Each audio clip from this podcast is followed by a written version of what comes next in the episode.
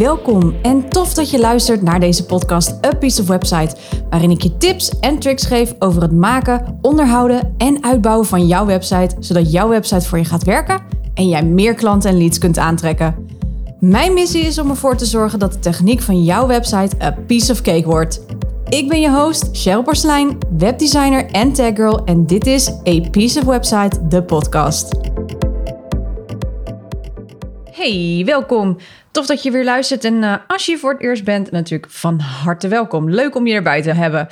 Um, ja, vandaag duik ik in een, uh, in een vraagstuk die ik veel krijg. Um, en dat is een, een vraag: kan een salespage of een landingspagina ook een homepage zijn? En deze vraag komt meestal vanuit mijn klanten. Want het deel waar mijn klanten meestal tegenaan lopen, natuurlijk naast het hele website opzetten en de techniek. Uh, maar goed, dat neem ik natuurlijk allemaal uit handen is het schrijven van teksten voor de website. Want wat moet nu waar? Welke pagina bevat nou wat? En misschien heb jij deze vraag ook vaker gehad, of krijg je vaak te maken met teksten hè, als webdesigner, uh, waarvan je zoiets had van: hmm, misschien is dit niet de juiste plek om dit te plaatsen, of hmm, dit klopt niet helemaal, ik zou het toch anders doen. Um, ik wil wel vooraf even een kleine disclaimer maken, want ik ben geen copywriter. Tekst is mijn minst sterkste punt zelfs. En uh, hence die podcast natuurlijk. Maar wat helpt is om goed te bepalen welke pagina welk doel heeft. Dus niet alleen de website aan zich heeft een doel. Ook de pagina van je website hebben een doel. De losse pagina's van je website hebben een doel. Een sales page is dus het doel puur voor verkoop. Daar doen we ook niets anders. Als je dat nu luistert, dit, en je denkt: hey, er stond ook nog iets anders op mijn sales page Haal dat er per direct alsjeblieft af. Um, want het is niet de plek, het is niet de pagina om daar een e-book erbij te plaatsen, om gratis te laten inschrijven, om onze e-mail laten, e-maillijst te laten opbouwen. Um, het is ook absoluut niet de plek om ineens blogs of podcastafleveringen erbij te gaan zetten. Sales pages zijn solely voor verkoop en meer niet. Nou, en dan de vraag: kan een sales page dan een homepage zijn? Nee, Theoretisch gezien niet. En let op, hè, want als jij dit luistert en je bent webdesigner, dan heb jij hierin echt een stuk te adviseren naar je klant, ook om hen of haar te helpen. Een salespage kan wel een landingspagina zijn. Dus want een landingspagina, het woord zegt uit al, is gewoon een pagina waar men op landt. Vanaf waar dan ook. Dat kan vanaf Google zijn. Dat kan, hè, dus een homepage kan ook een landingspagina zijn. En een salespage kan ook een landingspagina zijn. Dus ook als jij nog geen volledige website hebt en je hebt alleen een sales page, dan is dat een landingspagina. Maar dat maakt het nog geen homepage. Nou, en waar zit het grote verschil dan in? De homepage, het woord zegt het eigenlijk al, is dit is de beginpagina van je website. Even heel plat geslagen. Je zou kunnen zeggen, eigenlijk, ik pak dit metafoor meestal met de etalage van een winkel. Daar zie je meerdere dingen vaak in staan. Nou, in dit geval voor het gemak pakken we even een dure winkel. Want je ziet, je moet maar eens opletten. Um, je ziet bij dure winkels altijd het volgende. Hoe duurder de winkel, hoe leger de etalage. En het irritante daarvan ook daarbij is, maar goed, dat is een heel ander verhaal, is dat de prijskaartjes altijd worden weggemoffeld in de kleding of bij uh, de producten die, die ze hebben staan binnen de etalage. Uh, maar goed, dat is dus een hele andere uh, discussie die we kunnen doen. Um, dus, maar goed, we houden het dus even op die etalage van die dure winkel. En um, want waarom zeg ik dit? Die dure winkels hebben vaak wat legere etalages. Hè? Dus die hebben uh, redelijk um, um, goed bedacht van wat moet er wel en wat moet er niet in. Dus we houden ons even aan die etalage, want we willen mensen namelijk ook niet overspoelen. Daar kom ik zo op terug. Maar in een etalage staan een x aantal producten meestal opgesteld. Hè? Dus nog voor jij naar binnen besluit te gaan, window shopping noemen we dat, krijg jij in ieder geval te zien wat er wordt aangeboden in de winkel. Nou, dit is ook ongeveer zo het idee dit met je homepage. Je homepage is bedoeld om de bezoeker te laten zien wat jij in huis hebt en hoe ze daar komen. Ja, dus, um, en deze moet alle drie vragen beantwoorden. Dus wie ben jij, wat doe je en hoe maak je iemands leven beter? Dit kun je sowieso voor iedere pagina gebruiken, deze drie vragen. Maar de homepage is dus jouw etalage. En de reden waarom ik zeg dat we een etalage pakken van een dure winkel, is omdat je dus heel kieskeurig mag laten zien of mag gaan kiezen wat je wel en niet laat zien. Nou, een homepage is een verzamelplek, een verzamelpagina eigenlijk met korte, introducties van jou, van je diensten en jouw perfecte oplossing. Nou, als ik even een voorbeeld neem van uh, een homepage van een webdesigner, hè, want dat is voor mij even voor mijn gemak uh, natuurlijk. 9 van de 10 keer hebben webdesigners hebben een homepage met bovenin een header met daarin hè, uh, van wie zijn ze en wat doen ze en hoe maken ze iemands leven beter. En dat is het bovenste deel, de hero. Daaronder zie je vaak een stukje intro met de why vaak hè, achter het bedrijf. Of meteen dat ze al in de problemen gaan, gaan zitten van... nou, jij uh, bent ondernemer, je hebt geen tijd... maar je website moet wel up-to-date blijven. Uh, dit soort, dat, dat soort dingen. Het, het hangt ook natuurlijk vanaf of dit bij jou past, hè, om dat op die manier op te bouwen, maar of om, om die, uh, dat stukje tekst daar neer te zetten. Maar je kan er ook voor kiezen natuurlijk om daar te plaatsen wat je precies doet. Dus dat je nog ietsjes verduidelijkt van wie je bent en wat je doet. Bij een webdesigner zie je ook vaak, als het goed is, een kort, kort, kort, kort, kort overzicht van de meest recente projecten. Uh, eventueel een paar reviews erbij, een intro naar de diensten die Huiszaai beschikbaar heeft. En daarbij kan het nog wel eens voorkomen, afhankelijk van het doel van de website, dat er nog een contactformulier om bijvoorbeeld een afspraak te maken of een gratis weggever op de homepage staat. Dus zoals je hoort, op deze pagina staan meerdere dingen. En geheel afhankelijk van het doel dus. Maar het is dus een verzamelplek van onderdelen. Het is een etalage. Het is een goede eerste indruk maken. Ten opzichte dus van die sales page, het woord zegt het hier ook al, is dus puur gericht op sales. Eén product of dienst die helemaal is uitgewerkt en een pagina dus is ingericht op verkoop. Nou, met andere woorden, één dienst. Dus denk even bijvoorbeeld aan voor mij uh, een website traject. Oké, dan staat er op die pagina het volgende. Wat is het? Hoe werkt het? Hoe maakt het iemands leven beter vooral? Uh, maar ook prijs, testimonials nog een keer, voordelen, het tijdspad eventueel van het project en welke onderdelen erin zitten. Dus voor als jij webdesigner bent, welke deliverables kunnen mensen krijgen als ze met jou een website traject ingaan? En daarbij heel belangrijk, één call to action. Het kan zijn dat jij besluit om te zeggen van nou, je kunt meteen hier uh, een template kopen als jij templates bijvoorbeeld verkoopt. Of je kunt uh, meteen inschrijven voor, uh, I don't know, wat jij op dat moment. Of meteen betalen, hè? dat kan ook. Dus meteen betaalknop erop zetten. Of je kan zeggen, een knop met plannen gratis intakegesprek. Maar niet en en. Dus dit is of-of. Dus of je gaat voor de verkoop, of je gaat voor dat intakegesprek. En dan komt de verkoop uit het gesprek wat je aangaat met die persoon. That's it. Niet meer, niet minder. Dus hoor je hier ook het verschil? Dus waar een homepage meerdere call to actions kan hebben, en let echt alsjeblieft op dat je uh, geen keuzestressmoment van maakt. Dus wat mijn advies altijd is, is hou het bij één hoofd call to action en één sub call to action. En eventueel kun je dus bij je aanbod of bij je portfolio zeggen van nou, hè, bekijk uh, meerdere projecten of lees hier alle details over dit traject.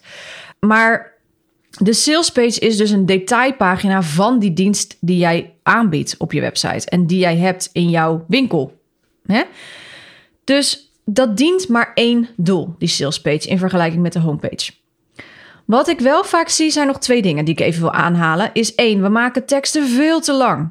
Zowel op de homepage als op de salespage. Dus hou het beknopt. Toevallig had ik het er vandaag nog over met iemand. Uh, dat ik zei van, uh, hè, als je het gevoel hebt dat je te veel tekst hebt, dan is dat zo. Dat betekent namelijk dat je te veel herhaalt. Of op de homepage geldt bijvoorbeeld dat, dat je al in te veel detail wilt treden. Terwijl je dus op een losse pagina, op een salespage, in de detail mag treden van jouw aanbod of van jouw portfolio business case.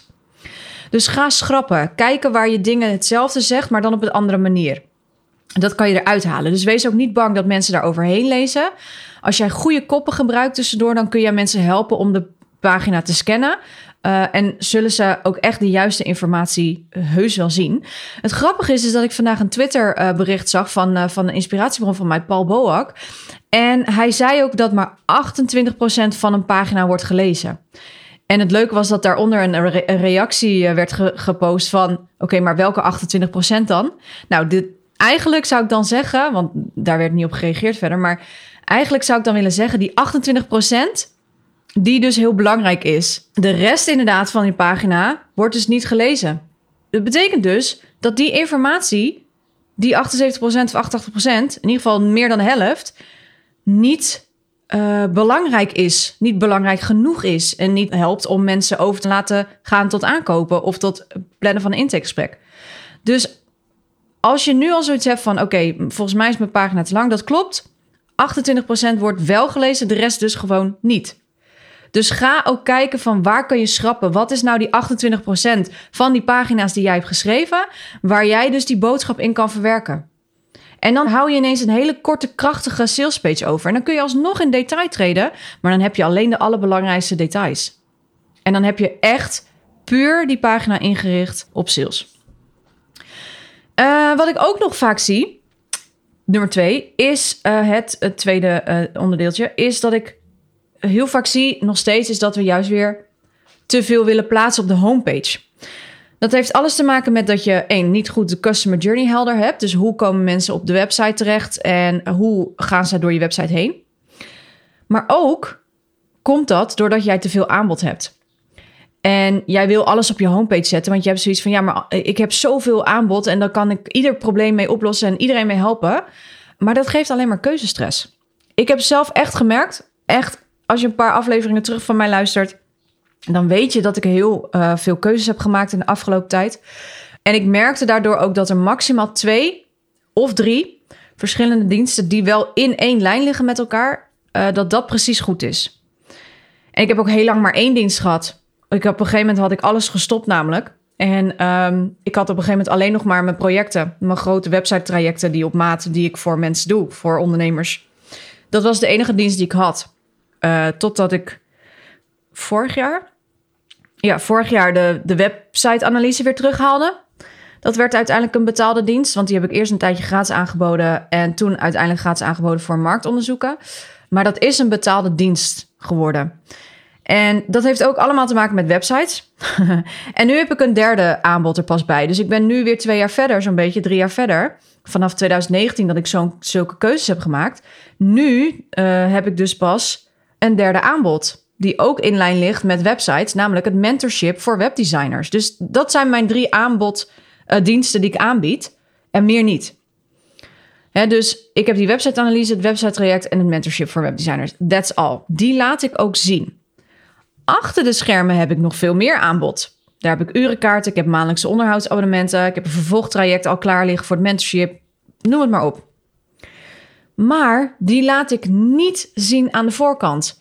Het ligt er. Maar omdat het niet relevant is voor mijn ideale klant die bij mij komt om een website te laten maken of een webdesigner die bij mij voor het mentorship traject überhaupt nog moet instappen, heeft het helemaal geen nut om het vervolgtraject of om een urenkaart of om een onderhoudsabonnement nu al te laten zien. Want we moeten eerst die website nog doen. We moeten eerst dat mentorship nog door.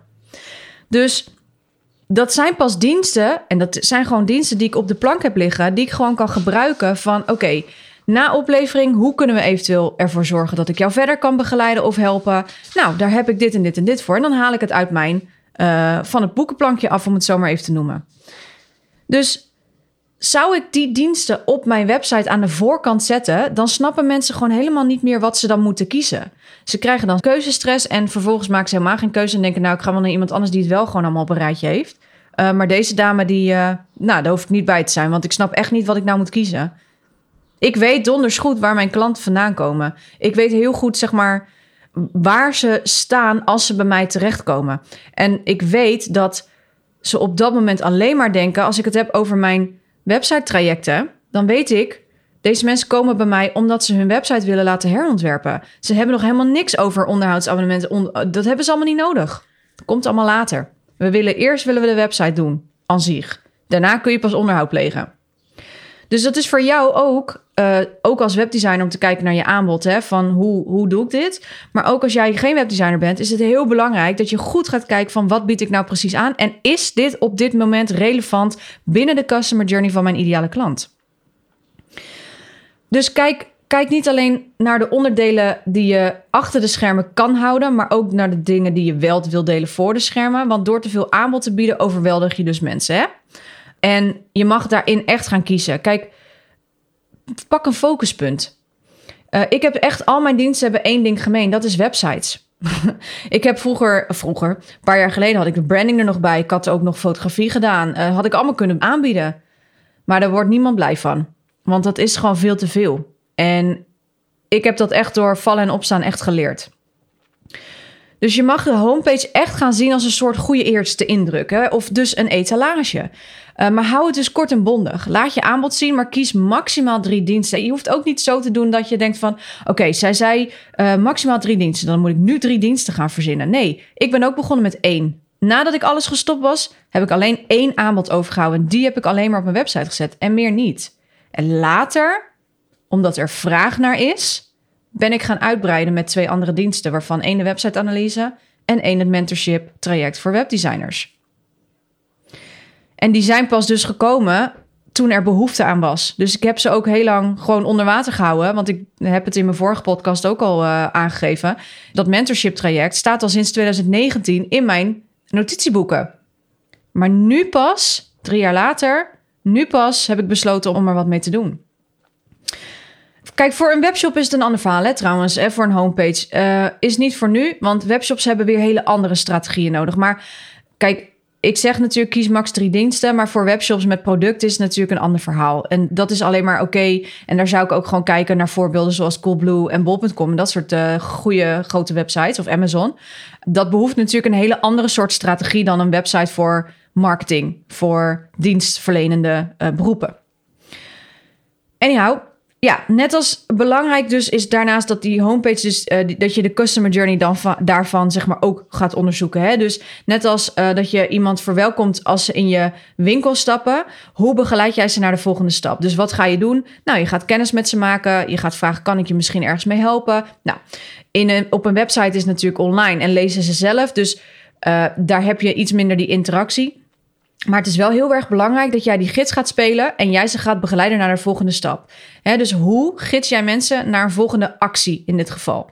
Nou, dat betekent dus dat jij moet kiezen. Dus of iemand moet zijn e-mailadres invullen, iemand moet naar de salespage gaan, iemand moet mijn blog lezen, iemand moet, nou, noem het maar op. Maar kies daar één of twee van en ga daar die hele homepage op inrichten.